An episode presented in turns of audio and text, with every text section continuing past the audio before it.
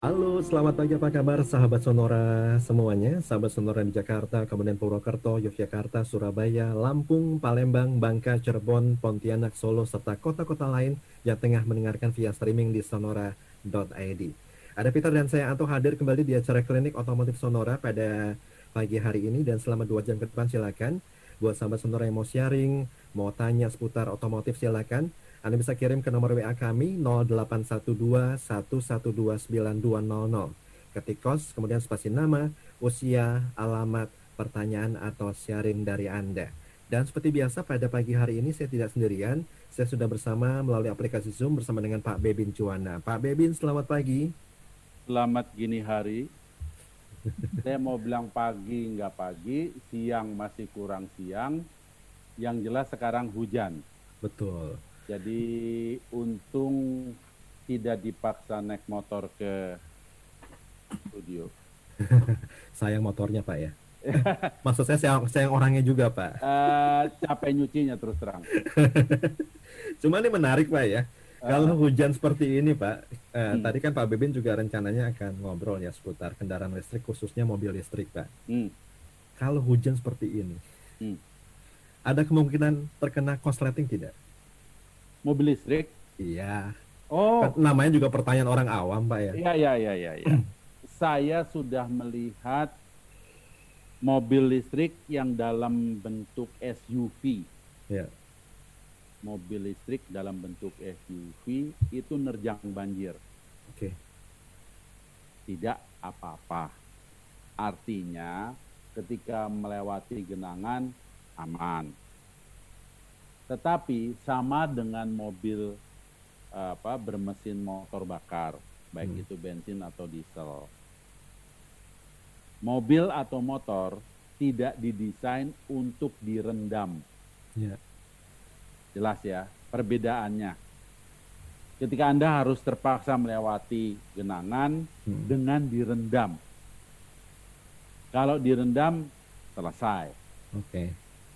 Kalau terpaksa harus melewati genangan tidak apa-apa karena uh, wiringnya sudah waterproofing. Oke. Okay. Tapi bukan untuk uh, maksudnya uh, uh, kita tinggalkan di garasi, mungkin keluar kota atau gimana gitu ya. Uh, ternyata terjadi banjir, mm -hmm. tiga hari kemudian baru ditemukan. Yeah. Ya, susah untuk okay. untuk dibahas aman apa tidak. Baik. Tapi yang jelas tidak eh, apa bukan terus kan ada ketakutannya begini. Beda dengan misalnya adanya stop kontak di rumah yang eh, posisinya di bawah. Kemudian eh, terjadilah banjir gitu ya. Yeah. Kan kekhawatirannya adalah kita bisa ke kesetrum semua nih gitu ya. Betul. Kalau mobil listrik enggak Oke. Nah, ini terkait dengan PSBB, Pak ya. Hmm. Uh, cukup banyak orang kan bekerja, belajar dari rumah. Hmm. Kemudian kendaraannya jarang dipakai nih. Kalau hmm. mereka punya kendaraan, katakanlah mobil listrik yang jarang dipakai, hmm. itu sebaiknya baterainya dicabut dulu atau bagaimana, Pak? Oh, itu nggak bisa. Hmm.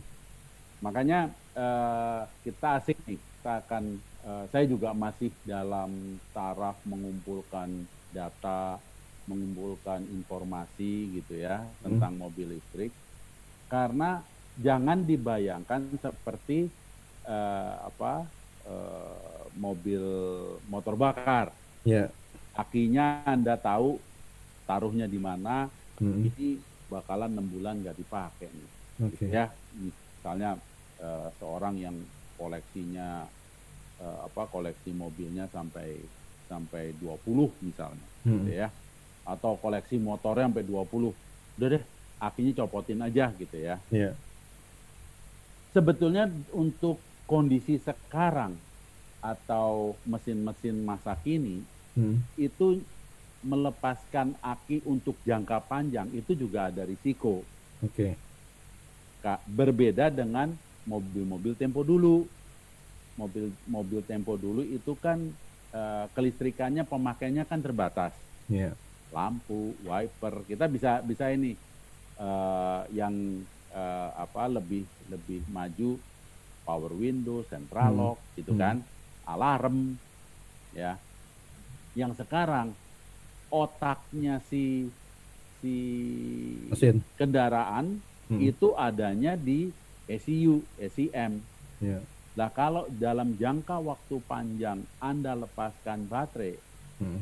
Kan dia bisa masuk ke posisi hibernate, yeah. alias tertidur gitu kan. Lah terus terang saya sendiri juga juga apa uh, sulit membayangkan hmm. ketika berbulan-bulan Anda lepaskan aki, apa iya begitu dicolok begitu bisa start, mm-hmm. ya kan? E, karena rasanya ada stepping yang yang untuk membangunkan seperti komputer yang udah lama nggak dipakai ada stepping untuk membangunkan sistem. Yeah. Nah, kalau di mobil listrik ini juga juga pertanyaan yang bagus. Mau yang mana dicopot akinya se, sebesar lantai mobilnya Hmm. Kalau yang uh, motor listrik itu udah sudah apa kan kelihatan yeah. baterainya sebesar mana, sebesar apa dan posisinya di mana. Betul. Rasanya motor listrik bisa sebagai sebagai langkah uh, apa ya langkah pengamanan atau hmm. langkah penghematan gitu ya uh, dicabut uh, full positif dan negatifnya. Tetapi kalau kalau mobil listrik kok saya merasa tidak gitu loh. Nah, tapi lagi-lagi karena akinya begitu besar, rasanya eh, Anda tidak apa-apain dalam enam bulan, itu aki juga nggak habis sih kalau enam yeah. bulan, okay. ya kan? Maksudnya nggak nggak drop sampai sampai komputernya ini, tetapi itu juga bagian dari apa ya uh, sosialisasi yang yang nanti harus di di apa dilakukan oleh produsen yeah. gitu. Karena kan ini sesuatu yang baru dalam dalam hidup kita. Yeah. Gitu. Cuma kalau nggak dicabut, itu apakah baterainya tetap apa tetap berjalan pak? Alias konsumsinya tetap berlanjut atau gimana pak? Saya rasa uh, ada konsumsi Cuma sedikit ada ya. Ada konsumsi tapi kecil sekali. Kecil ya. Hmm. Untuk memori dan sebagainya kan. Ya. Oke. Okay. Yang saya bayangkan seperti itu. Baik. Ini kalau kita bicara mengenai perkembangan uh, kendaraan listrik baik motor maupun mobil listrik di Indonesia ini seperti apa Pak Bibin? Karena beberapa kali saya lihat di jalan raya Pak ya, khususnya motor Pak. Hmm. Saya pikir nih kayak Vario, eh ternyata gesit Pak. Hmm. Iya. Nggak ada kenal potnya. Betul. Dan meskipun jumlahnya belum banyak jangan, ya saya mencari. beberapa kali udah udah udah melihatnya ada yang mengendarai. Sudah ketemu. Hmm. Betul. Hmm. Perkembangannya sampai sejauh ini seperti apa sih Pak? Ya, uh, saya sendiri kemarin ini sebagai contoh ya kemarin hmm. saya dapat ini apa uh, kesempatan berita dari dari teman online gitu ya, bukan test drive, tetapi malah sudah masuk ke hitung-hitungan kalau mau beli mobil listrik, DP-nya berapa, cicilannya berapa. Saya hmm. kaget. Waduh, ternyata udah sampai sini ya, yeah. gitu ya. Uh, memang mobil listrik yang masuk ini kan masih sporadis terus terang. Hmm. Uh, yang resmi masukin Contohnya Hyundai sudah yeah. sudah resmi masukkan uh, Kona dan Ioniq. Hmm. Uh, saya sendiri sudah pernah dipinjami uh, BMW plug-in hybrid.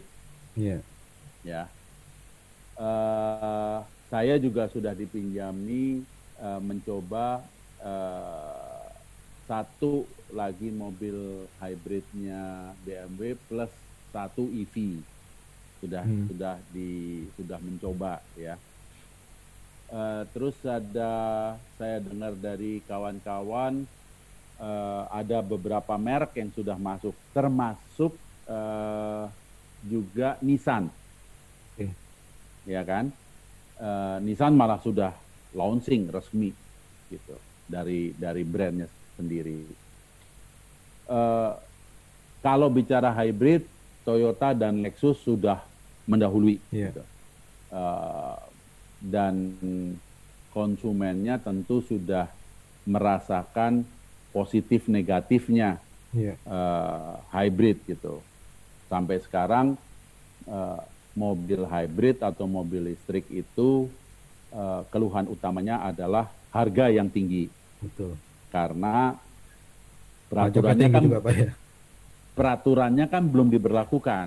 Yeah. Peraturan perpajakan untuk mobil listrik ini kan belum diberlakukan. Oke. Okay. Jadi apa yang yang dirasakan tentunya uh, ya begitu pajaknya mau di di apa disamakan dengan mesin motor bakar ya susah ya. karena mobilnya sendiri atau motornya kan uh, memang harganya tidak bisa ditekan semurah uh, mesin motor bakar ya. mengingat harga baterainya Betul. yang masih masih tinggi gitu. ya. jadi kalau disebutkan positif negatifnya memang masih uh, banyak apa ya tanda tanya yang hmm. yang terbersit di konsumen apa iya yeah. ya kan uh, kita akan pindah ke sana gitu. Betul. Tetapi saya melihat uh, karena beberapa hari yang lalu sempat uh, berbicara dengan apa dengan Kementerian Perindustrian dan dan dari Kaikindo hmm. uh, bahwa ini nanti peraturan ke depannya akan akan berbeda gitu. Okay. Ya mudah-mudahan ini uh, segera di apa di informasikan uh, peraturan pelaksananya okay. ya kan di mana nantinya itu uh, kendaraan dikenai pajak berdasarkan tingkat polusinya. Oke, wah menarik ini ya. Ya kan? Jadi bukan lagi eh, ini ini akan juga melibatkan kendaraan-kendaraan yang sudah ada. Iya. Ya kan? Tidak lagi bicara mobilmu atau motormu berapa cc gitu. Betul. Tetapi uh, berapa polusi yang kamu hasilkan dari dari mesinmu gitu. Hmm, hmm. Kalau polusinya tinggi, ya kamu bayarnya tinggi. Yeah. Polusinya rendah, ya bayarnya rendah. Apa okay. uh, eh, perpajakannya akan murah gitu ya. Hmm. Nah ini yang yang menurut saya uh, suatu langkah besar yang akan terjadi di negeri kita. Gitu. Okay. Setelah puluhan tahun mengadopsi peraturan yang sudah basi. Saya Betul. terutama saya uh, rada nggak enak didengar. Peraturan hmm. sudah basi peraturan kok berdasarkan mesin, kapasitas mesin gitu ya. Terus juga sentimen terhadap jenis sedan. Masih okay. ingat kamu? Oh, Betul. mungkin belum lahir kali ya. Hmm. Peraturan itu kan kata sedan itu kan mewah. Lah apanya sih di dunia cuman mungkin cuman kita yang yang aneh-aneh gitu ya. Khususnya sedan ex menteri, Pak. Sekarang kalau kita pikir bahwasanya sekarang di negara kita itu yang yang laku adalah MPV, kok kesannya seperti kita memang dulu itu digiring ke arah sana. Lah sedannya dibikin mahal kok. Yeah. Karena karena pajaknya diketok gitu kan. Hmm. Nah, ini kan eh, nggak uh, umum. Tidak seperti yang diberlakukan di dunia gitu. Oke. Okay. Nah, saya juga nggak tahu apakah nanti misalnya peraturan eh, karena detailnya saya belum belum sempat ngobrol misalnya soal four wheel drive saya ingat betul itu kalau nggak salah tahun 70-an peraturan itu dikeluarkan eh, katanya karena eh, four wheel drive four wheel drive itu hmm. lebih boros. Oke. Okay. Kalau nggak salah itu dasarnya.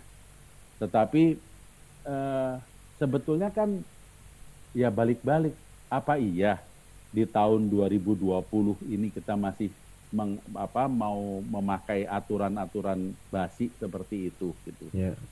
Jadi ini yang yang menarik dan kembali kalau kita kembali ke topik mobil listrik, lah kalau yang betul-betul full listrik, kan emisinya nol. Iya. Ya kan? Kalau yang hybrid, hybrid itu uh, kalau dipakai untuk sehari-hari toh, hmm. itu bisa 150. Oke. Okay. Satu liter 50. Udah kayak naik kayak naik motor bebek juga kalah kali hmm. 150 gitu ya. Yeah. 140 tuh mudah sekali. Uh, apa uh, untuk mobil hybrid gitu. Yeah. Nah, kalau kita melihat seperti itu 150 lah menghitung tingkat polusinya kan rendah. Iya.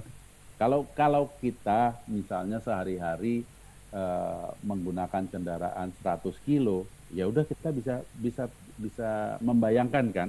Iya. Kemudian uh, juga mengkonsumsi uh, minyak buminya untuk hmm. yang masih mesinnya standar. Yeah. Jadi ini yang yang sebetulnya menarik. Uh, memang kita akan bukan kita akan, kita harus berubah. Karena misalnya uh, apa kendaraan itu hanya bisa menjangkau sekali full charge itu 350 kilo gitu ya. Oh. Ini kan kita harus apa berhitung dengan kondisi realnya. Yeah. Realnya apa? E, sama seperti motor bakar, hmm. ketika Anto kaki kanannya senang injak pedal gas, hmm. Jadi larinya e, apa naik turun gitu ya. Naik turun tuh artinya, oh agak padat lepas gas, cuma lari 80, begitu kosong injek gas 120, 140, 160 misalnya. Hmm. Kalau gaya mengemudi Anto seperti itu, yang menurut uh, pabrik bisa 350, itu mungkin tidak sampai 300 kilo. Oke. Okay. Nah, kalau tujuan Anto itu pergi ke Semarang 300 kilo berarti kan di KM berapa sudah harus berhenti charging, hmm. yeah. betul kan? Uh, eh, KM berapa ya toh? Mungkin KM nggak sampai KM 300 kali hmm. sudah mesti cari rest area untuk charging dan chargingnya kan mungkin untuk menjangkau Semarang aja Anto butuh waktu satu jam. Betul. Ya kan? Itu kalau baru Semarang. Hmm. Kalau Anto bilang tapi kan saya mau ke Jogja bukan mau ke Semarang gitu kan hmm, hmm. ya berarti di Semarang uh, keluar waktu satu jam lagi untuk untuk charging lagi kan betul jadi uh, seperti itulah tetapi kalau di, dibayangkan dipakai sehari-hari Antok dari rumah ke studio balik ke rumah lagi uh, apa mungkin mampir di Blok M ada yang perlu dibeli dan sebagainya itu ngecharge di rumah seperti ngecharge handphone aja toh. Iya. Saya PP 50 kilo, Pak. PP 50 kilo kalau kalau motor listrik sih enteng itu nyetrumnya hmm. dua hari sekali kalau mau hmm. dari empty sampai sampai penuh gitu kan. Hmm. Itu sekitar motor listrik 100 125 uh, one charge itu bisa dicapai. Oke. Okay. Yang jelas nih PR-nya masih banyak Pak ya, selain nunggu regulasi tadi, uh, hmm. bagaimana charging station ini harus disiapkan dari sekarang hmm. ya, ya kan? Betul betul betul betul. Ini jangan jangan sampai orang kalau udah punya mobil listrik kayak bingung. Ya, uh, jadi ada beberapa pemikiran toh uh, charging station yang yang nanti ditempatkan di tempat-tempat parkir misalnya, di parkiran mall misalnya, kemudian public area, termasuk yang di rumah hmm. itu uh, harus ada apa charging uh, box yeah. yang terpisah dari listrik rumah, paham nggak hmm. toh? Yeah. Jangan diaduk-aduk sama uh, apa jangan maksudnya jangan ngambil hmm. jatahnya listrik rumah. Nanti kulkas kamu mati, uh, lampu belakang, lampu dapur mati, ribet, ya kan? Uh, terus uh, nanti ada yang teriak, aku mau nyetrika nih, gitu kan? ya seru aja gitu di, di rumah ribut gara-gara tar dulu motor gue belum penuh gitu kan. Nah, yeah. ini uh, itu juga jadi pemikiran bahwa ada charging box yang terpisah hmm. yang meterannya juga terpisah, bukan hanya boxnya terpisah, tapi meteran terpisah. Jadi maksudnya gini, uh, apa si si box dan meternya itu uh, bisa diisi seperti ngisi pulsa kan? Hmm. Mau terserah dah, mau apa, mau pakai bayar-bayaran online, mau lewat Alfa Indomart, ya kayak kita sekarang lah. Yeah. Ya itu Makanya saya, saya sampaikan, itulah seninya bahwa uh, kita ini harus berubah gitu. Hmm. Ketika nanti sudah sudah apa uh, kendara apa memakai kendaraan listrik gitu. Yeah.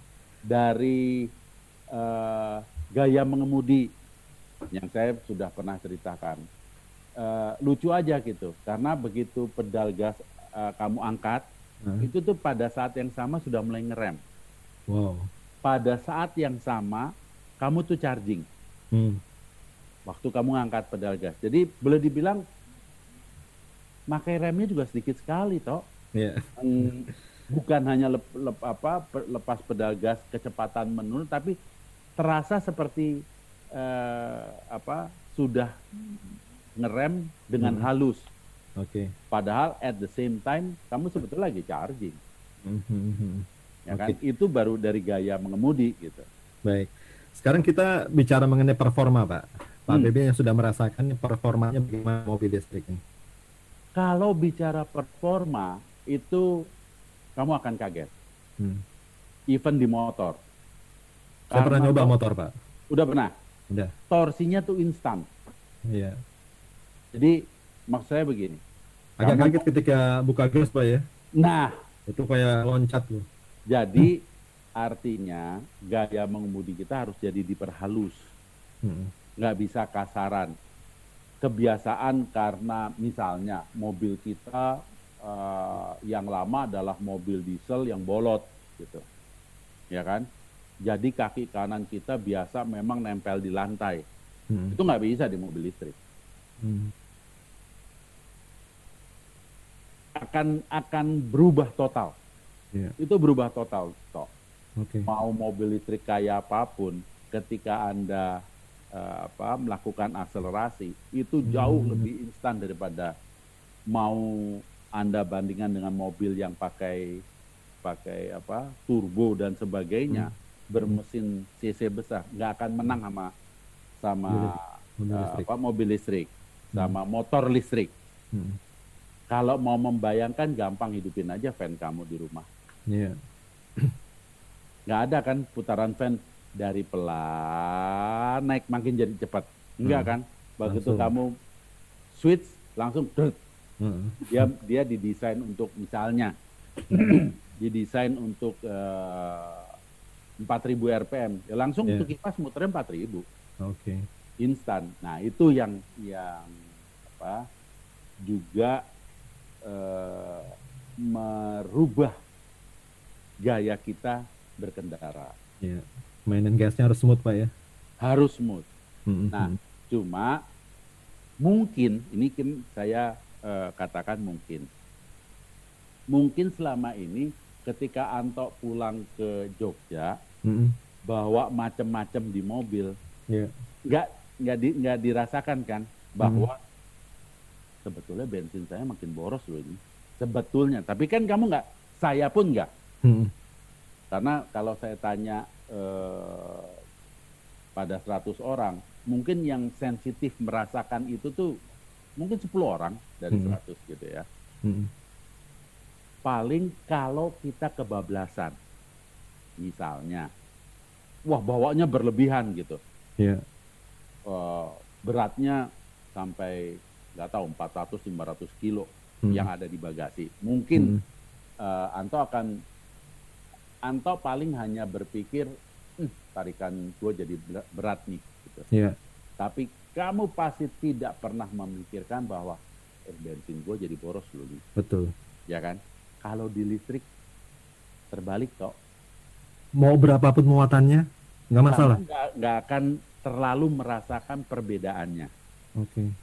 Yang kamu rasakan apa? Tuh yang di depan di speedometer kamu. Uh -uh. Info tentang jarak tempuh. Oke. Okay. Turunnya cepet banget. Oh. yang yang yang yang apa uh, uh, akan uh, membuat kita berubah. Sehingga nanti kalau Anto mau ke Jogja pakai mobil listrik Anto mikir ini perlu nggak ya gue bawa ya? Ini perlu nggak ya? Ini nggak usah lah nggak penting lah gitu gitu. Gitu karena apa? Kamu akan bermain dengan angka jarak tempuh. Bukan hmm. bukan akselerasi bukan gitu-gitu toh. Betul.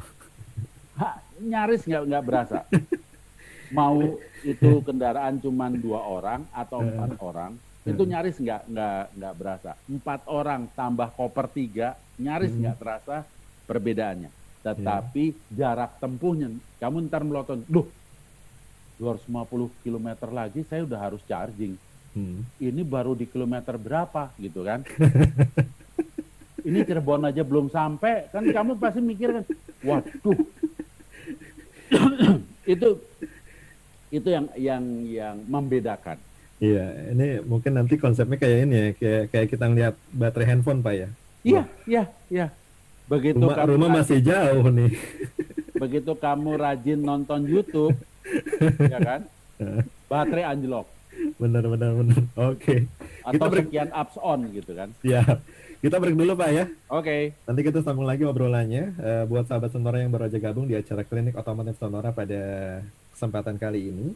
Pertanyaan sharing seputar otomotif silakan bisa Anda sampaikan via nomor WA kami ya 0812 112 9200. Klinik Otomotif Sonora akan segera kembali.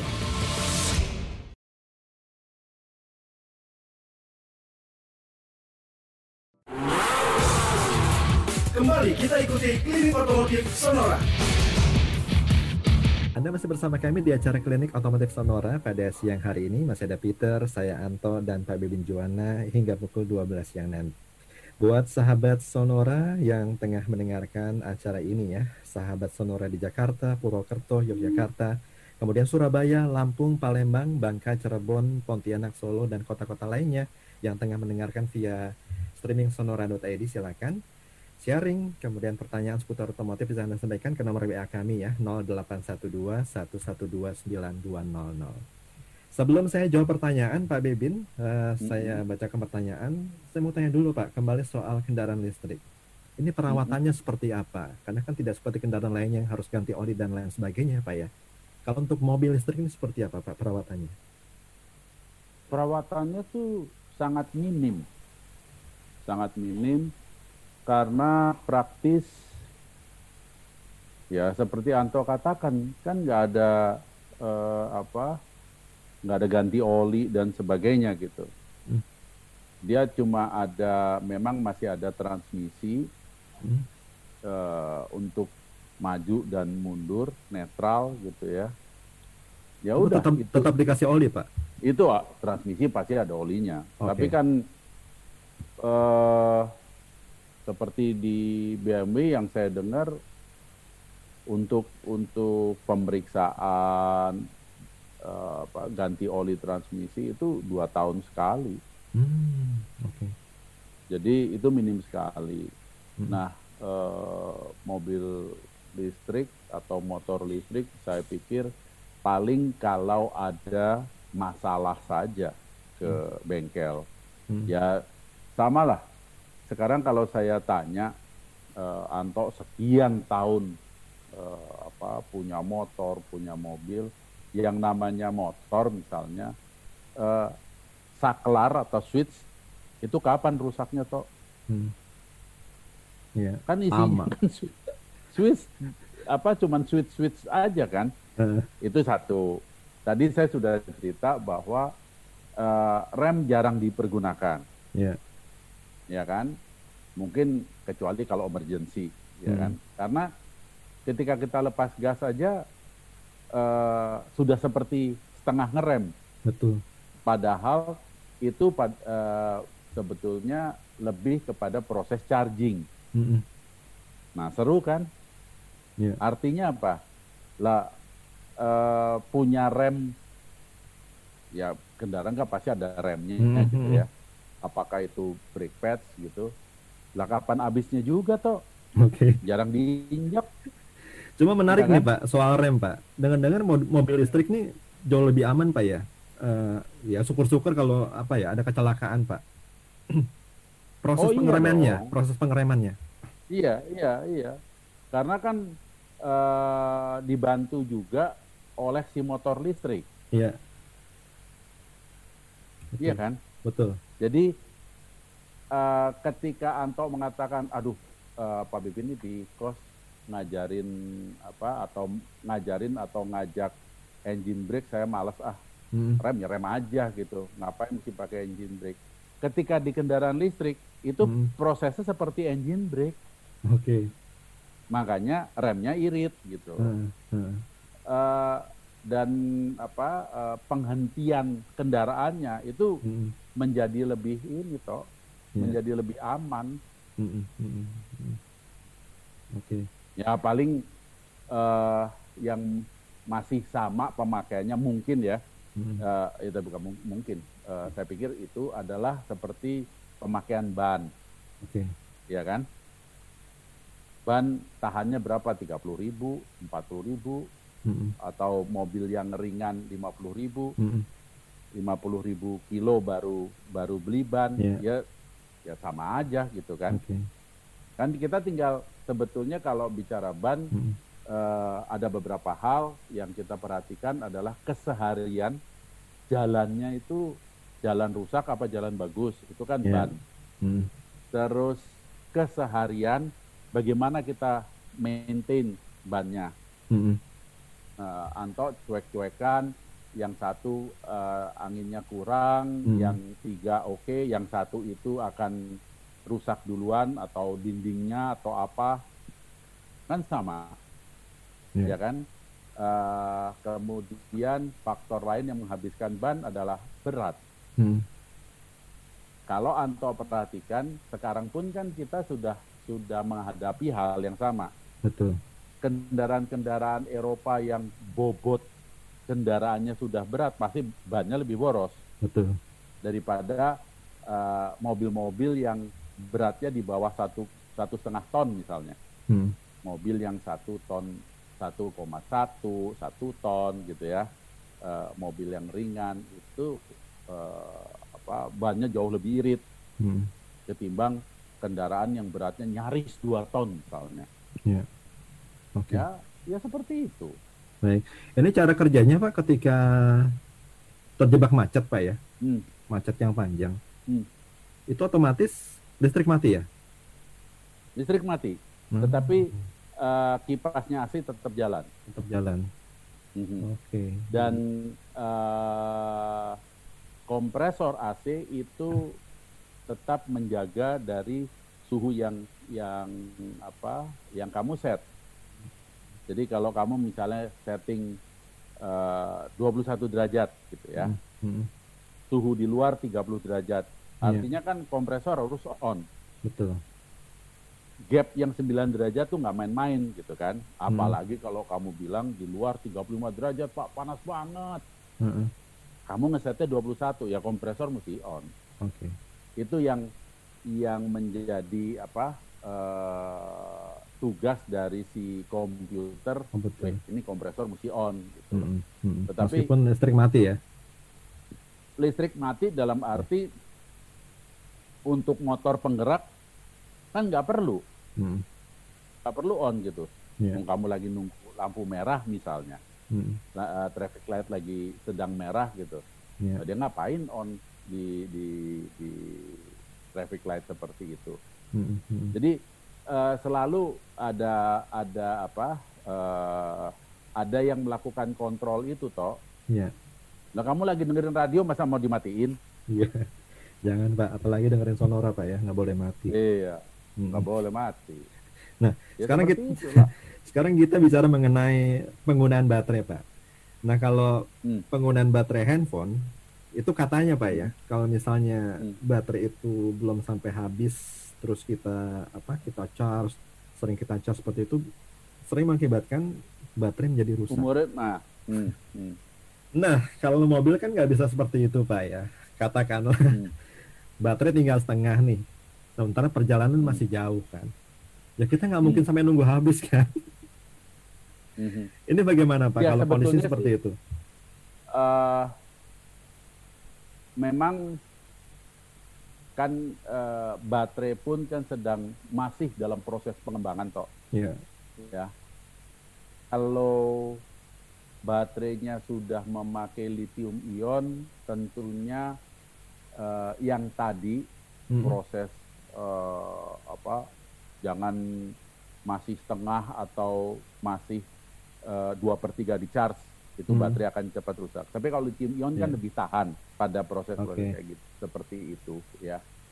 Memang uh, diusulkan untuk ya kalau sudah tinggal 30% lah sebaiknya charging gitu ya. Hmm. Hmm. Uh, jangan seperti cerita Anto setengah kebetulan ini uh, lagi istirahat di Cirebon gitu ya, hmm. KM 166, hmm. terus ah colok aja nih yeah. supaya uh, apa aman aman sampai sampai Jogja gitu hmm. ya. Uh, yang nggak kayak begitu juga gitu. Hmm. Tetapi kalau Anto pun lakukan itu, kan ketika di, di tanda kutip dipaksakan sampai Jogja, kan hmm. juga habis kan. Betul.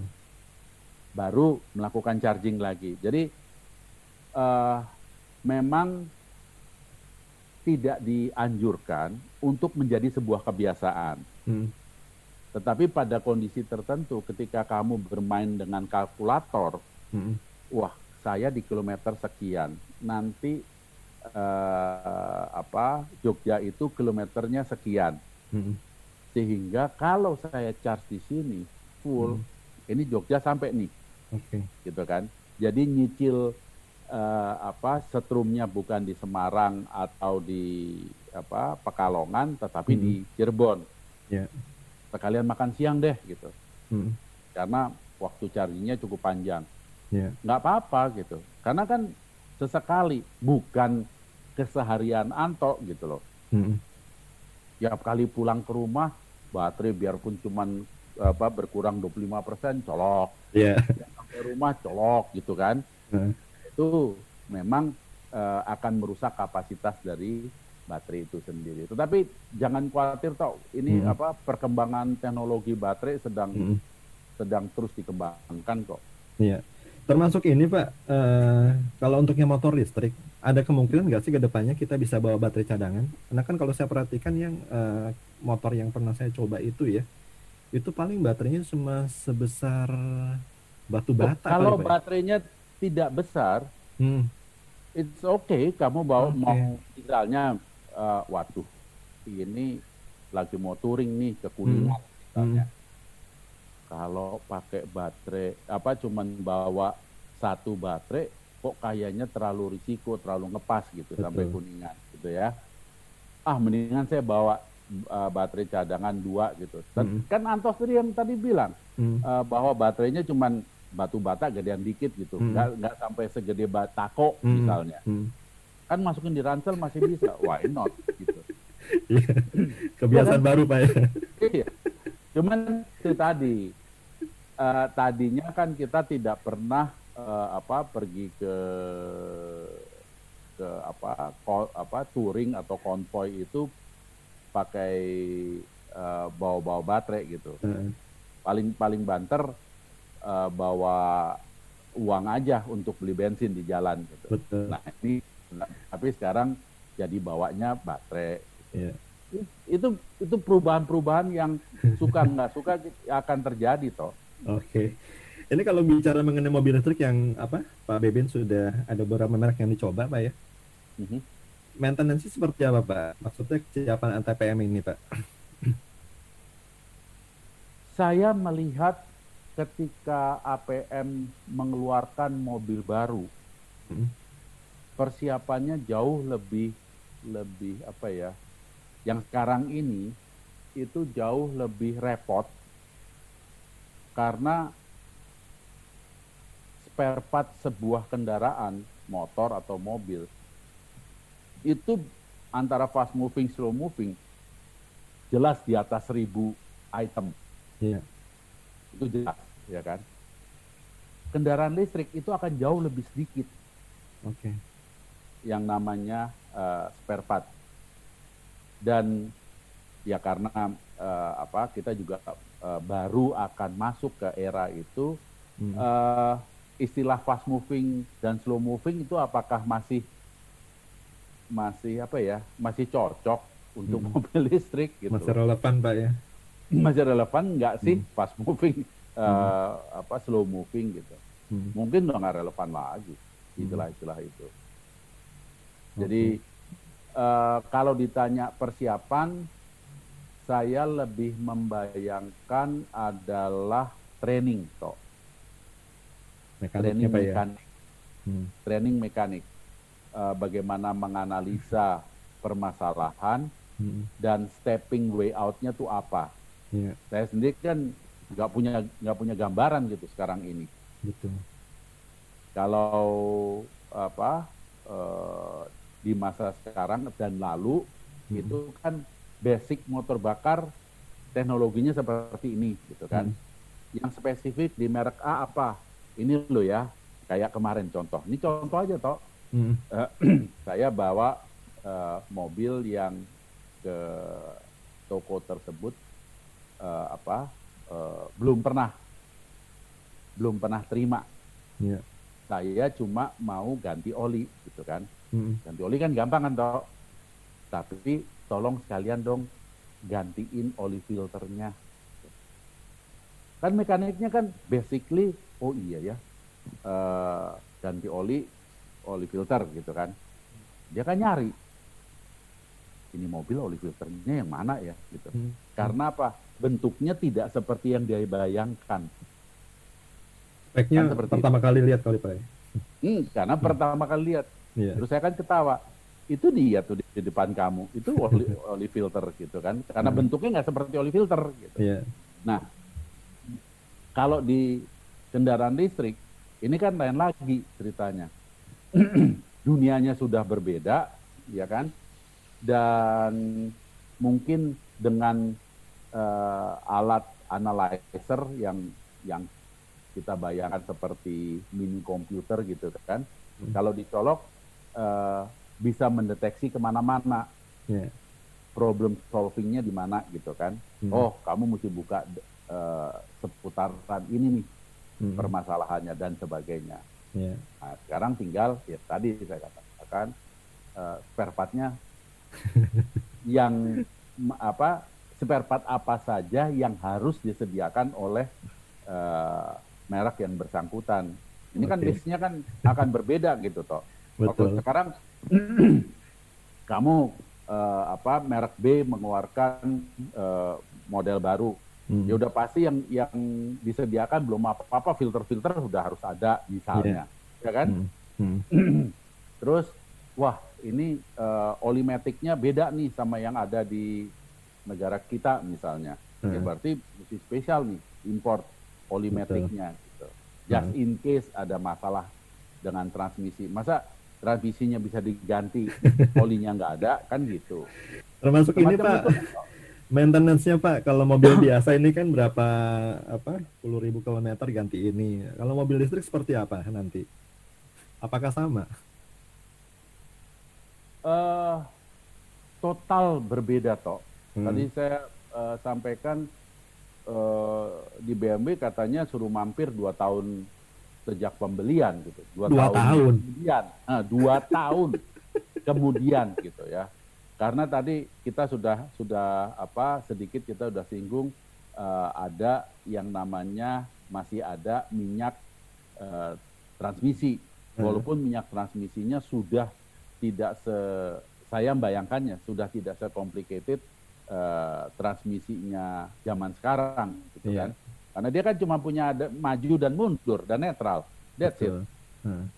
Lain-lainnya kan urusan kelistrikan gitu. Artinya yeah. uh, putaran motor kan. Nah, uh, itu yang pertama. Yang kedua saya membayangkan ini power steeringnya electrical apa apa apa uh, masuk juga ke elektrik power steering gitu. Hmm. Kalau electric power steering ya udah habis lah. Dua tahun, Pak ya. dua, dua tahun paling dicek. Iya kan. Ini sistem magnetnya misalnya kan itu kan bekerja dengan sistem magnet. Hmm. Sistem magnetnya bagaimana gitu-gitu kan. Tapi kalau masih pakai uh, apa hidrolik power steering, hmm. uh, berarti kan nanti ada motor kecil yang memutar uh, pompa hidrolisnya kan seperti itu uh, pasti yeah. pabrik uh, memperhitungkan gitu kan Betul. Plus, plus dan minusnya uh, elektrik atau apa hidrolik gitu. hmm, hmm, hmm. dua tahun loh tuh udah bisa berapa kali ganti model rambut pak ya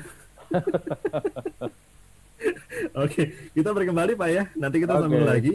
Tetap bersama kami di acara Klinik Otomotif Sonora hingga pukul 12 siang nanti. Klinik Otomotif Sonora akan segera kembali. Stay tuned in Sonora, a part of Kompas Gramedia Radio Network.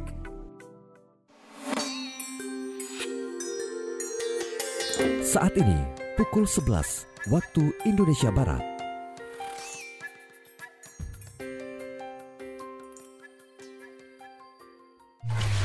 Sonora Update.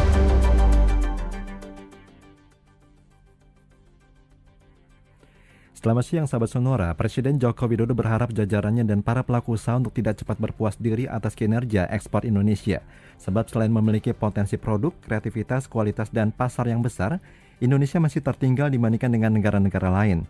Saat berpidato pada pelepasan produk ekspor ke pasar global tahun 2020 dari Istana Kepresidenan Bogor kemarin, Presiden berpesan agar tidak cepat berpuas diri karena potensi pasar ekspor yang belum tergarap masih banyak masih sangat besar.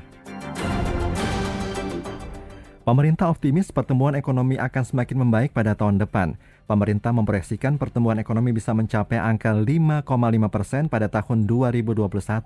Namun, pengendalian wabah COVID-19 dan vaksinasi corona akan mempengaruhi pertumbuhan ekonomi di tahun depan. Wakil Ketua Kamar Dagang dan Industri atau Kadin Indonesia, Sinta Wijaya Kamdani mengatakan, perbaikan ekonomi Indonesia sudah mulai terlihat pada semester 2 tahun 2020. Kadin memproyeksikan ekonomi dunia akan berangsur normal, khususnya di negara yang mampu mengendalikan COVID-19. China dan Jepang meramaikan eksplorasi ruang angkasa setelah misi luar angkasa kedua negara membawa pulang hasil yang dinilai memuaskan. China membawa pulang benda atau material permukaan bulan dan Jepang membawa sampel-sampel asteroid. Benda-benda ruang angkasa tersebut akan diuji di laboratorium dan akan dipakai untuk menentukan target misi berikutnya misi luar angkasa China yang menggunakan pesawat Chang'e 5 dinamai dengan mitos Dewi Bulan bangsa China. Demikian Sonora Update.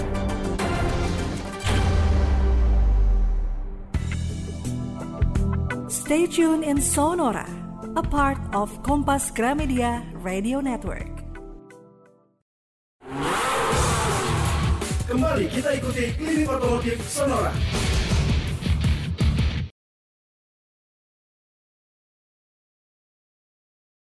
Masih ada Peter, saya Anto dan Pak Bebin Juane di acara Klinik Otomotif Sonora hingga pukul 12 siang nanti. Pak Bebin kita jawab pertanyaan yang masuk Pak, di antaranya ada Pak Budi. Pertanyaannya kenapa kita nggak bisa melakukan auto charging sementara mobil berjalan Pak? Sehingga tidak perlu menunggu lama. Apakah bisa dipasangkan mungkin semacam mini generator untuk recharge sambil jalan kendaraan? Apakah memungkinkan? Wah itu yang uh, apa saya tidak tidak tahu saat ini. Uh, ketika kita membawa apa uh, genset kecil gitu ya bagasi hmm. terus uh, sambil jalan sembari charging gitu. Uh, itu saya tidak tidak apa belum bisa membayangkan hal tersebut. Tetapi yang saya dengar itulah yang apa teknologi yang diterapkan oleh Nissan yang kemarin uh, apa launching itu. Okay. Jadi dia ada mesin kecil. Mesin itu tidak ada hubungannya dengan roda. Hmm. Tugas mesin itu hanya ngecharge baterainya. Oke. Okay. Jadi uh, apa hybridnya memang memang beda gitu dengan hybrid yang uh, apa yang ada hmm. yang kita kenal selama ini bahwa si mesin punya hubungan dengan roda. Kalau Nissan itu tidak ada hubungannya dengan roda dan hanya uh, bertugas sebagai charging. Bukan Nissan sebagai Kick, Pak ya? charger. ya? Kenapa? Bukan Nissan Kick ya? Bukan. Iya Nissan Kick itu. Oh Nissan Kick ya, oke. Okay. Hmm. Nissan Kick itu uh, mesinnya hanya untuk ngecharge baterai, oh. tidak berhubungan dengan roda. Wow, menarik pak ya perkembangannya ya.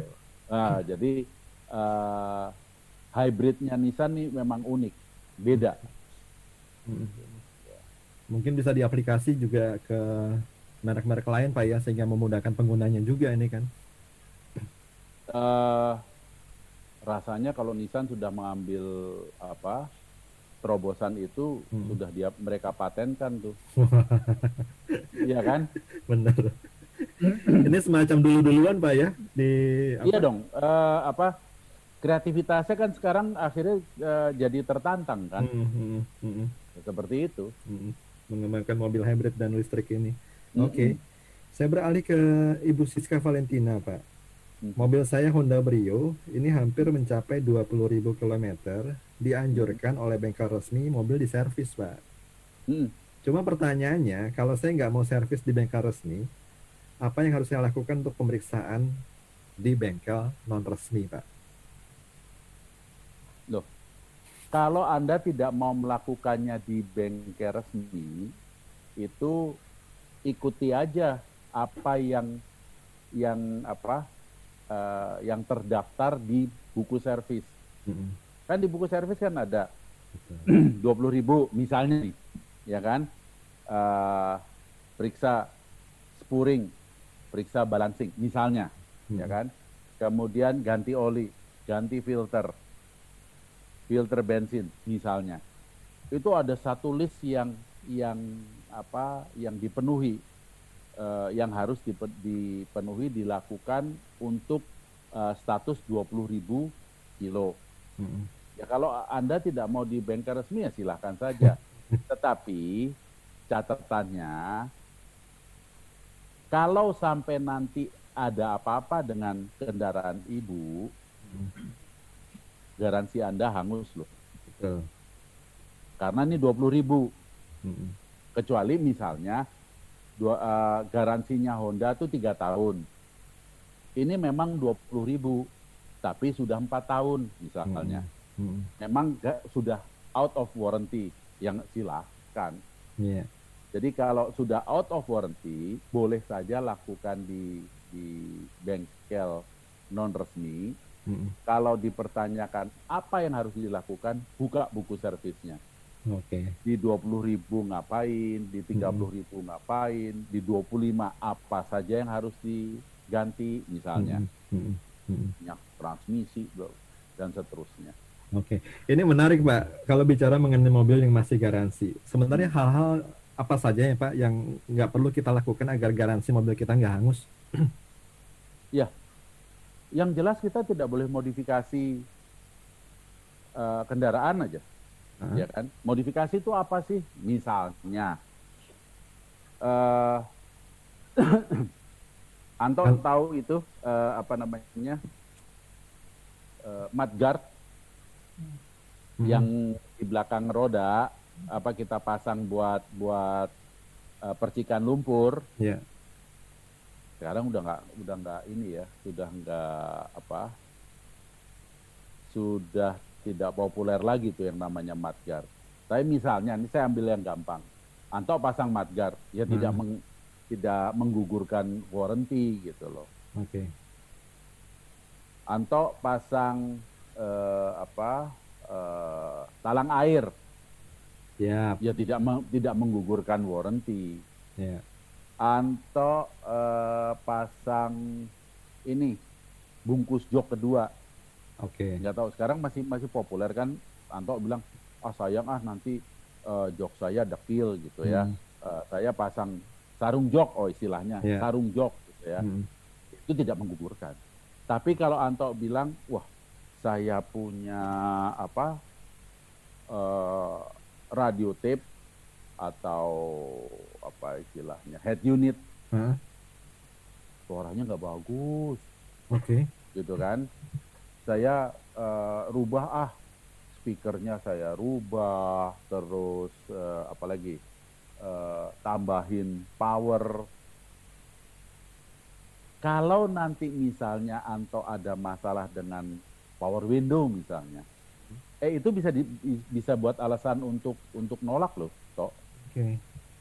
Walaupun Anto akan ngotot, apa hubungannya power window saya dengan dengan apa dengan power yang saya tambahkan? Saya kan kepingin suaranya lebih bagus gitu kan? Hmm. Itu bisa saja menggugurkan warranty ketika Anto bilang power window saya bermasalah. Ya kamu merubah itu sih gitu. Bisa dijadiin alasan toh. Nah, kalau nggak mutak ngatik kelistrikan gitu loh. Kalau nggak nambah speaker, cuma audio mobilnya diganti pak, yang merek terkenal, yang touchscreen gitu. Unitnya, head yeah. unitnya. Uh. Kalau uh, si bengkel itu uh, jujur, ya kan, dia bisa dia harus melihat dulu dong soket-soket hmm. di belakang di belakangnya head unit itu.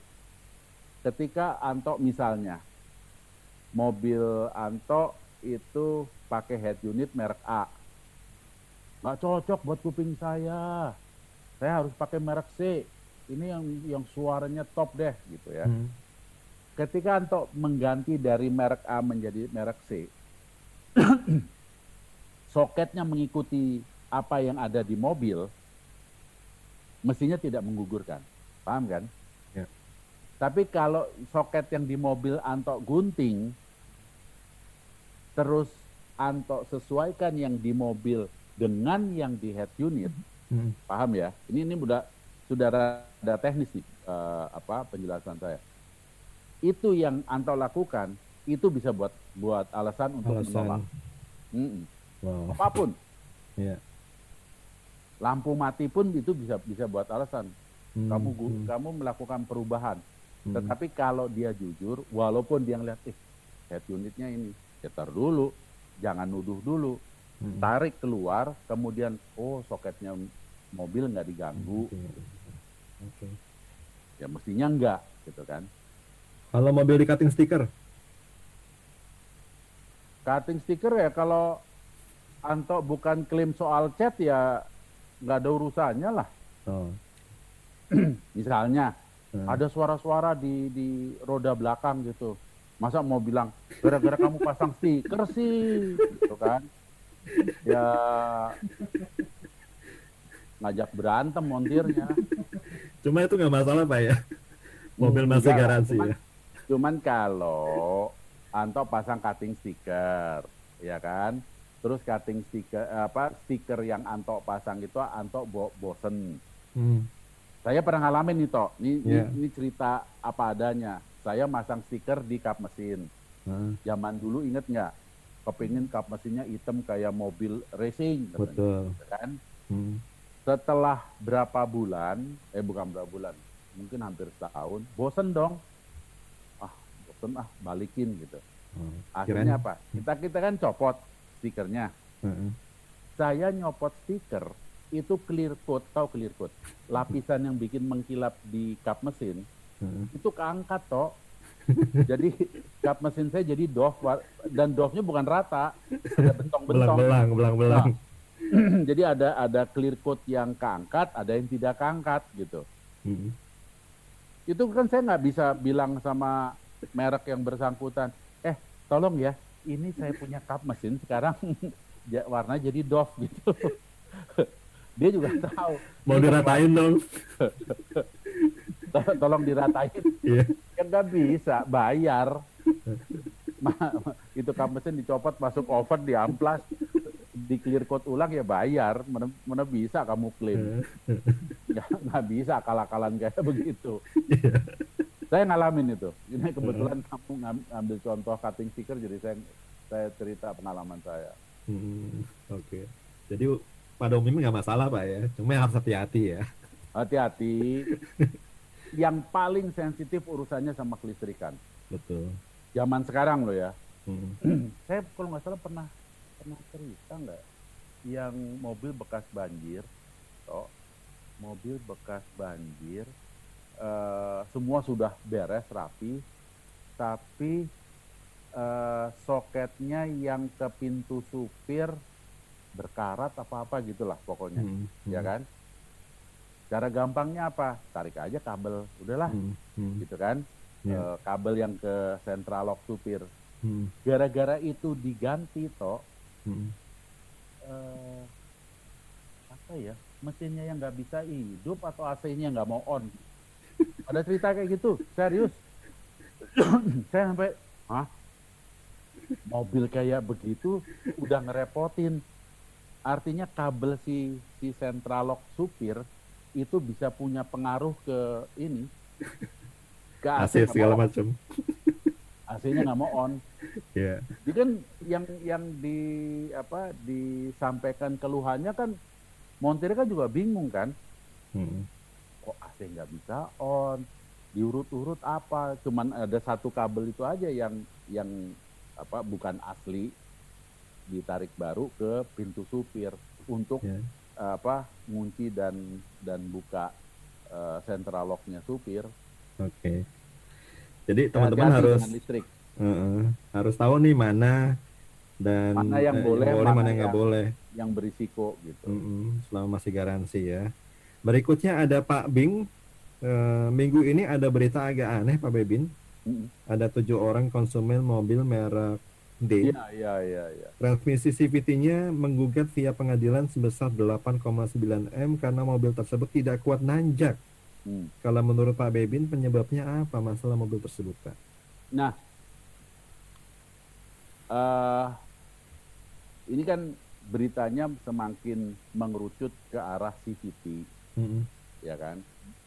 Saya sendiri karena tidak apa tidak mendalami persoalan sebenarnya apa yang terjadi itu uh, saya tidak berani komentar tetapi yeah. begini, satu dikatakan tidak bisa nanjak gitu ya.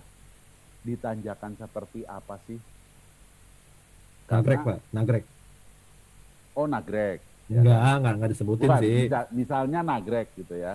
Hmm. Misalnya nagrek, itu kan tanjakan yang umum, hmm. ya kan? Tentunya saya bisa memahami kalau uh, konsumen marah, ya kan? Tetapi konsumen sampai menuntut ini ceritanya kan beda. Hmm. Ya kan? Itu yang pertama. Karena tadi eh, apa Anto mengambil contoh nagrek. Seandainya tanjakannya adalah tanjakan yang tidak umum. Hmm. Nah, ini kan sebetulnya kan menjadi bagian-bagian dari investigasi, tidak bisa di, di, di apa di generalkan nggak bisa nanjak. Saya nuntut nih gitu. Ya uh, eh, APM-nya juga bingung gitu.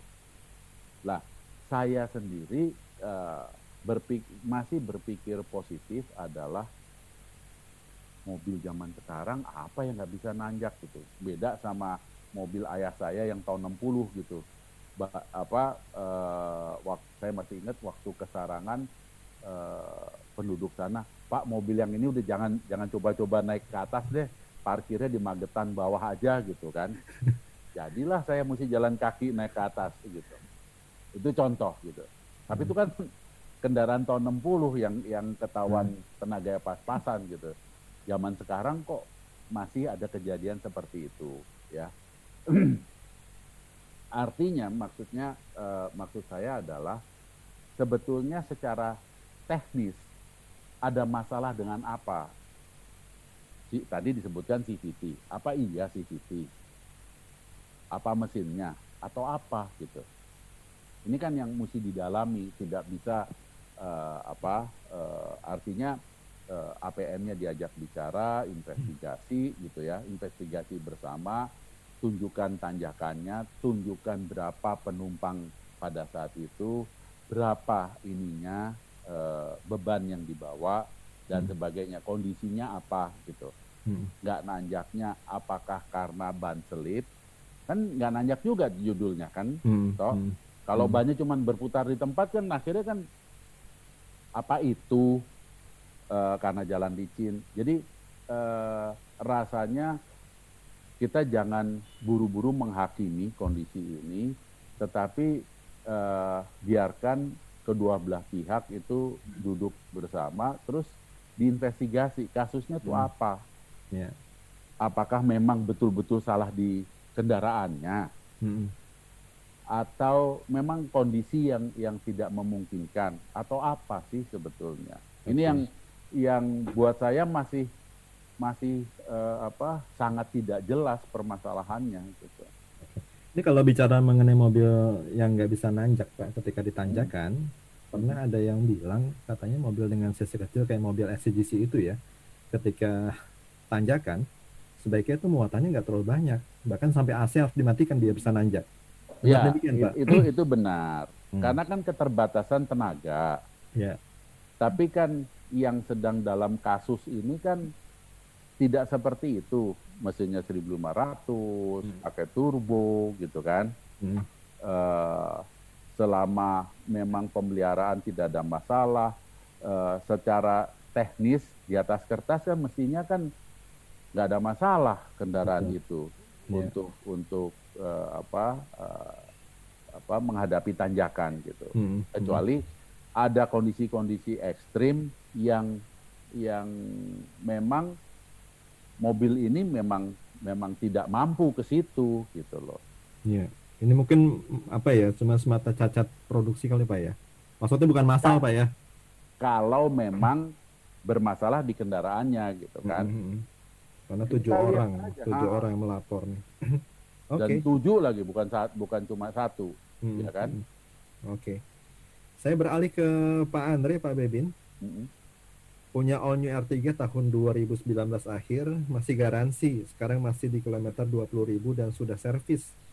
Tapi sudah saya tanya ke supervisornya katanya pedomannya di buku servisnya pakai kode BS atau BT nih Pak. Di atas pojok kanan di buku servis kodenya BT apa sih buku servis bisa ada kode begitu? Uh, katanya pedomannya di buku servisnya pakai kode BS atau kode BT di All New R3 katanya seperti itu pak. Uh, uh.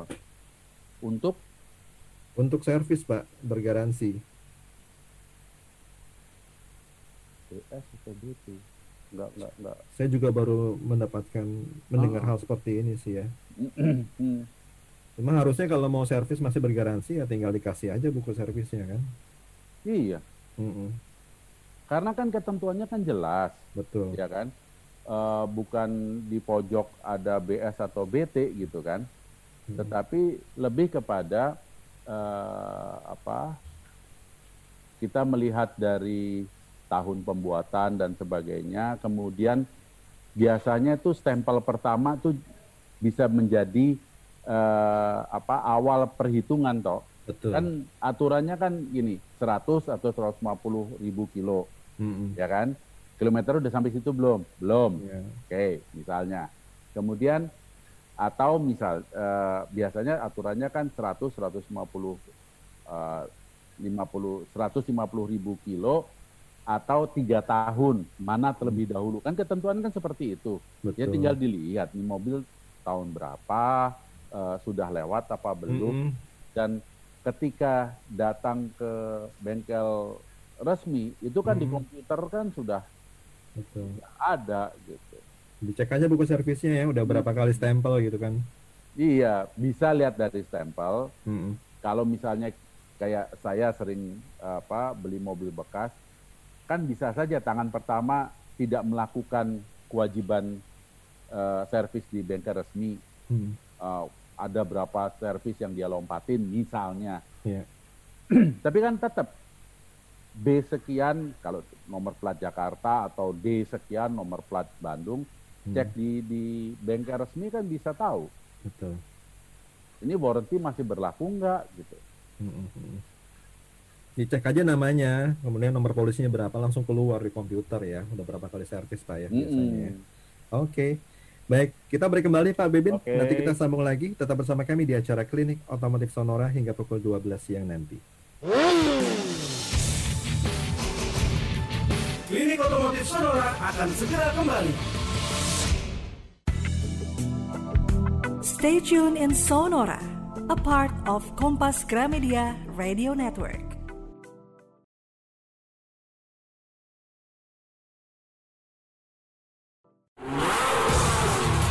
Kembali kita ikuti Klinik Otomotif Sonora. Saya mau meneruskan pertanyaan datang dari Pak Andi di Jakarta, Pak, mengenai setir Sianta 2017 yang mengelupas. Apakah bisa termasuk garansi ya? Kalau melihat bentuk apa pelupasannya ini. Kalau memang masih dalam masa garansi, uh, bungkus setir termasuk garansi. Oh, Oke, okay. jadi tenang aja ya masih hmm. masuk garansi bisa diganti oleh ke bengkel Toyota aja tanyakan. Hmm. Oke. Okay.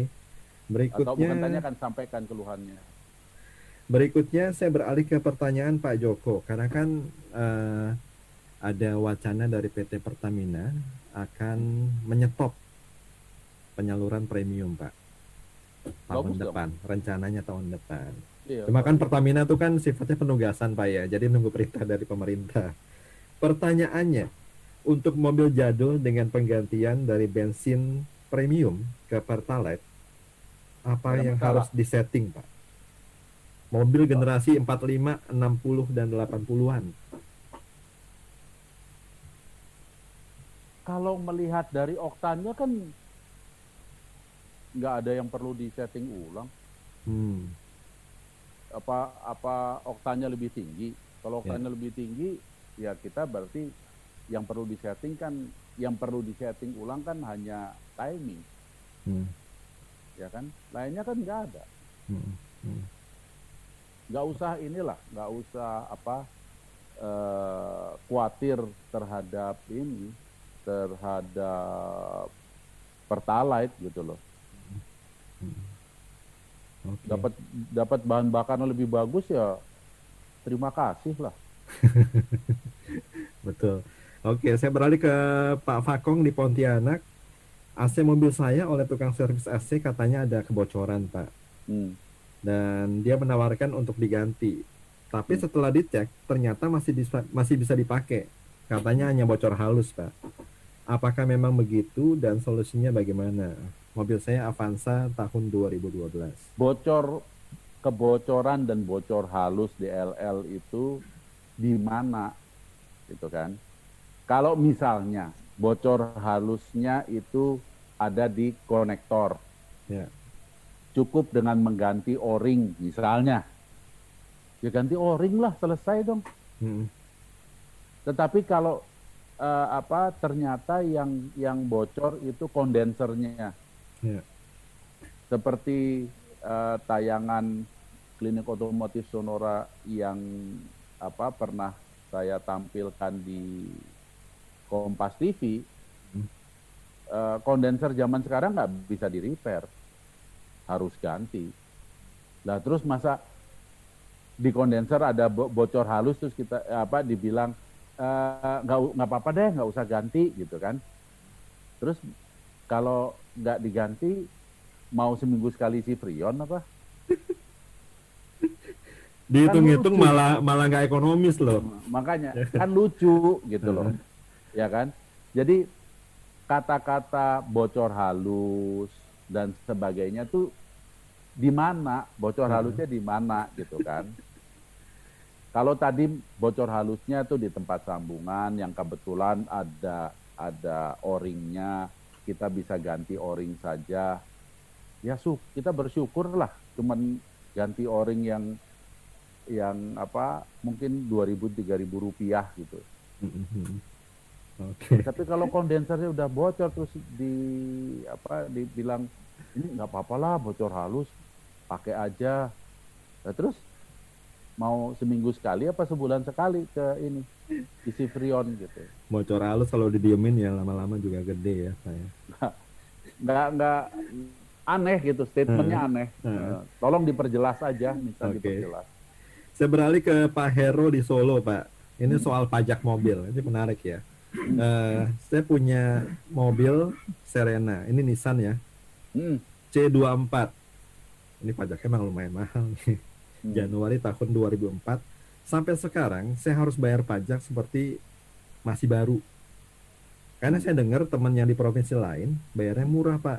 Hmm. Padahal saya pernah tanya ke kepala Samsat, mereka bilang sesuai harga jual sekarang. Padahal hmm. sekarang harga jual nggak sampai 100 juta. Hmm. Tapi kenapa pajaknya masih 3 juta lebih? Hmm. Saya pajar pajak, saya bayar pajak selama 15 tahun, ini hmm. sama terus. Hmm. Mau protes sama siapa nih Pak? Iya, uh, kewenangannya ada di Samsat. Hmm. Kewenangannya ada di Samsat. Kalau dia nggak rubah ya, ya gimana lagi gitu kan? Yeah. Uh, kalau ditanyakan mau mengeluh ke mana, hmm. ya mungkin kantor pajak kali ya. Betul. Kantor pajak kenapa uh, tidak ada peninjauan ulang? Hmm. Sementara uh, harga mobil misalnya yeah. sudah tinggal sepertiga gitu. Hmm. Hmm. Cuma memang yang jelas kalau sudah apa ya sudah siap membeli MPV merah seperti Serena ya mewah seperti Serena harus siap dengan pajaknya juga pak ya.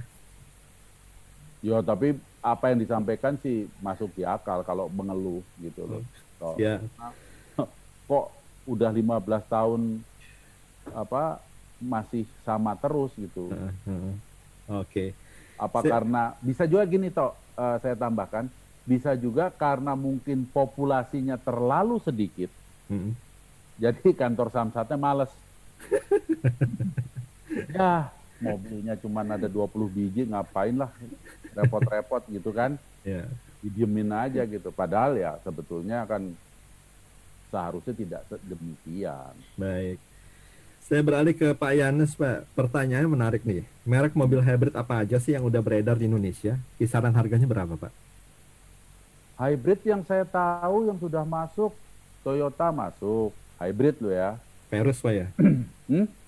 Toyota Verus uh, itu ya? Itu Camry ada berapa yang masuk? Hmm. Terus uh, Lexus hybrid masuk. Oke. Okay. Uh, Honda hybrid masuk nih ya? Eh pernah masuk yang itu yang dua pintu ya kalau nggak salah. Betul itu itu itu itu hybrid kan? Uh, waktu itu saya kepingin nyoba tuh. Kayak apa sih gitu ya. Terus hybrid hybrid. Apalagi ya? Beberapa Hyundai. mobil mobil Eropa. Hyundai. Hyundai masa hybrid? Malah electric car kalau dia masuk. Hybridnya kayaknya nggak masuk kok. Terus karena memang Hyundai uh, apa maunya masuk ke elektrik. Terus mobil Eropa ada beberapa yang masuk. Uh, mungkin pada saat itu hanya sebagai sampel dan sebagainya seperti uh, kalau nggak salah Mercy dan BMW. BMW yeah. ada ada beberapa tipe yang udah masuk malahan. Itu hmm. Honda kalau nggak salah CRZ pak. CRZ. Ya ya ya ya hmm. ya ya. Uh, merek Eropa udah sudah ada beberapa yang masuk. Ya. Memang nggak nggak banyak, nggak banyak. Kalau ditanya kisaran harganya, lah ini yang yang apa uh, seperti kita sudah sampaikan tadi bahwa karena peraturan hmm. tentang kendaraan listriknya belum keluar, akhirnya diterapkan peraturan yang yang apa ya, yang agak mengarah seperti uh, mobil bermesin motor bakar. Makanya hmm. kan uh, contohnya Camry hybrid kan jadi mahalnya nggak nggak ampun-ampun gitu loh. Ini yang juga menyebabkan ATPM bingung pak ya nantiun harganya berapa nih ya? Iya itulah. Hmm. Dan uh, kalau di negara lain orang kepingin coba hybrid uh, dengan semangat apa ya uh, ikut menjaga uh, lingkungan hidup dalam hal hmm. ini uh, tingkat polusi di kita kan isu itu kan tidak tidak tidak terdengar gitu kan Betul. lebih kepada uh, pengen coba ah hmm. gue pengen coba aja gitu yeah. nggak masalah harga segitu lebih okay. lebih ke sana lah toh hmm. kalau di negara kita cuma kalau di negara-negara lain pak pengalaman pak Bebin apa tuh oh mobil-mobil mobil hybrid, hybrid mobil hybrid mobil elektrik hmm. itu tetap lebih mahal daripada mobil uh, bermesin diesel atau mesin bensin. Oke. Okay. Ya kan? Tetapi untuk pemakaian katakanlah jangka pan menengah sampai panjang hmm. Akan menjadi lebih hemat gitu loh. Okay. Karena kan pemakaian apa uh, konsumsi bahan bakar ini bicara hybrid ya. Hmm. Konsumsi hmm. uh, bahan bakar hariannya kan lebih irit toh. Yeah. Itu yang yang apa yang uh, menggembirakan buat uh, pemiliknya gitu. Oke, jadi memang harganya masih mahal juga pak ya? oh memang mahal, ya. lebih mahal daripada uh, apa motor bakar. Mm-hmm. Karena kan saya ngebayangin kalau yang beli apa uh, masyarakat yang hmm. biasa beli mobil sejuta umat, mm. kalau kalau ke depannya apa itu sudah diganti listrik semua kan juga memberatkan mereka pak ya kalau masih mahal ya. Iya, tetapi uh, harus juga berpikir bahwa nanti kesehariannya akan berhemat banyak. Ya. Okay. Akan jadi, berhemat banyak. Jadi berpikirnya jangka panjang, Pak Jangan, ya. Oke. Okay. Baik. Bukan yang pakai seminggu dua minggu gitu kan. Hmm, hmm. Saya beralih ke Bapak Purwoko yang tinggal di Bekasi, punya Toyota Rush manual tahun 2015. Uh -huh. Jika mesin dingin, khususnya ketika pagi hari, mesin ketika dinyalakan terdengar bunyi mendecit dari mesin. Hmm. Nah, bunyi ini akan berhenti jika pedal kopling diinjak. Iya. Diinjak? Uh -uh. Dan dia bilang nggak ada masalah pada fan belt pak, karena fan beltnya baru diganti. uh, fan belt kan baru diganti. Mm -hmm. Biasanya tiga hari seminggu setelah fan belt diganti, saya setel ulang. Kenapa pak? Karena waktu baru itu tuh kan ada istilahnya uh, molor. Justru hmm. baru tuh kan ada molornya toh. Hmm. Sampai batas tertentu dia udah nggak ada molor lagi. Okay. Coba itu diperiksa. Jadi uh, daripada uh, apa kita berpikiran yang jauh-jauh, yang sederhana aja. Hmm fan belt baru justru harus di sel ulang setelah uh, apa kurun waktu tertentu. Yeah. Nggak nggak ada nggak sama sih toh. Hmm. Ada yang uh, apa uh, seminggu, hmm. ada yang sebulan kemudian kalau di apa di setel ulang, oh ketahuan ini memang rada kendor gitu hmm. gitu toh. Oke, jadi sebaiknya memang kalau fanbet baru ya di setel hmm. ulang aja pak ya? Di setel ulang. Hmm, hmm. Oke, baik. Ini waktu kita hampir habis Pak Bewin. Hmm. Uh, kalau kita bicara mengenai motor, mobil listrik, hmm. ini kan PR-nya masih banyak ya. Hmm. Terkait dengan regulasi, kemudian ketersediaan uh, charging station, charging termasuk station. juga ini harganya bagaimana ini nanti ke depannya? Uh, memang harga kendaraan listrik itu lebih mahal. Ya. Tetapi tidak berbeda apa sangat besar seperti yang kita alami saat ini. Hmm. Karena saat ini kan kita belum belum apa mengadopsi atau memakai peraturan uh, kendaraan listrik. Ya kan? Uh, bahkan nanti di apa beberapa daerah juga uh, STNK-nya bisa kan tadi kita ada ada kasus STNK Serena gitu ya. Hmm. STNK-nya juga akan akan berbeda, tetapi itu uh, kewenangan dari setiap daerah lah. Sama hmm. seperti sekarang lah. Ya kan? STNK Jakarta berapa, STNK di Denpasar berapa, STNK di Medan beda gitu ya. Uh, itu memang kewenangan daerah. Tetapi uh, akan berbeda lah. Nah, yang akan terasa adalah memang tadi kan Anto mengatakan, waduh, berarti akan memberatkan dong uh, beli motor listrik atau beli uh, mobil listrik gitu ya, uh, lebih karena lebih mahal daripada uh, yang sekarang. Gitu. Hmm. Tapi kesehariannya nanti toh itu hmm. uh, beda, yeah. karena kalau uh, mobil listrik yang pernah uh, apa saya mendapatkan gambaran itu konon uh, per kilometer itu tinggal 30% daripada hmm. uh, apa beli solar atau beli bensin gitu. Yeah. Nah, Anto sendiri uh, bisa membayangkan ketika mobil hybrid hmm. yang Anto katakan tadi uh, apa sehari saya 100 apa eh 100 per 50 tadi kamu bilang 50 ya naik motor yeah. sehari 50 kilo gitu mm. nah kalau pakai mobil hybrid ya berarti nyaris sehari-hari Anto mesinnya nggak nyala nggak beli yeah. bensin yeah. nyetrum aja udah mm -hmm. sampai rumah lakukan charging that's it gitu mm -hmm. Mm -hmm. kalau yang perginya rada jauh biasanya beli apa beli bensin dua tiga hari sekali ini dua minggu belum tentu beli bensin juga gitu wow. berapa jadi, kos yang bisa dihemat pak ya? Ya jadi uh, melihatnya nanti kita jangan semata-mata wah tuh saya biasa beli mobil misalnya 300 juta gitu ya. Hmm. mobil listrik 350 ada ada beda sekian persen yang yang harus saya bayar gitu. Lebih dari 10 mungkin 20 persen dari uh, standar mobil yang yang saya pakai gitu tapi kan uh, kesehariannya akan berbeda toh mhm.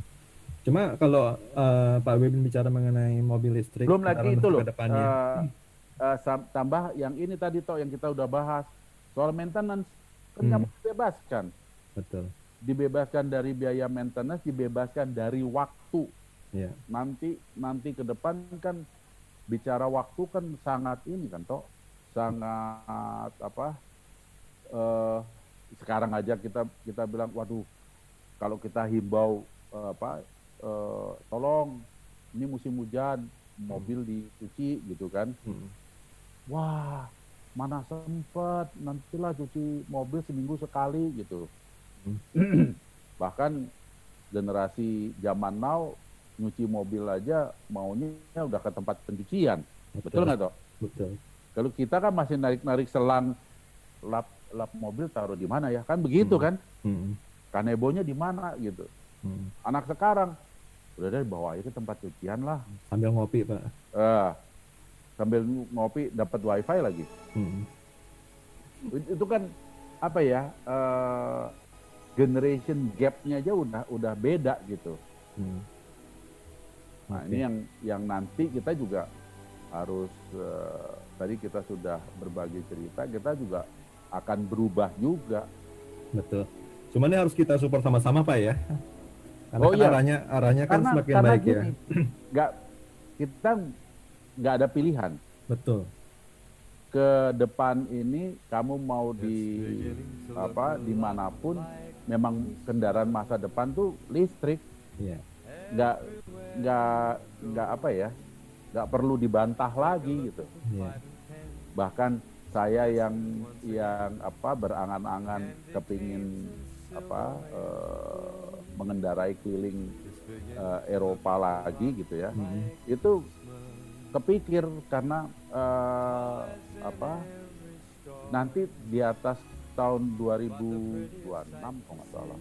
Apa 2025 uh, pompa bensin udah nggak ada toh. Wow. Jadi suka nggak suka harus pakai mobil listrik. Setuju pak. Karena bahan bakar fosil semakin terbatas dan ke depannya buat udara yang lebih bersih lagi pastinya. Iya untuk kalau bicara udara bersih itu uh, apa akan menjadi kenyataan dan bukan hanya sekedar slogan. Baik. itu itu ya. Baik. Itu yang kita harapkan sama-sama Pak ya. Terima kasih banyak ya. Pak buat kebersamaannya Pak. Oke, kita sambung lagi dengan topik yang menarik juga minggu depan dengan pembahasan-pembahasan yang diharapkan bermanfaat buat uh, sahabat-sahabat Sonora. Pastinya bermanfaat, Peter. Saya Anto, Pak Beben Juwana pamit. Kita akan ketemu lagi di acara yang sama pada hari Sabtu yang akan datang. Sampai jumpa.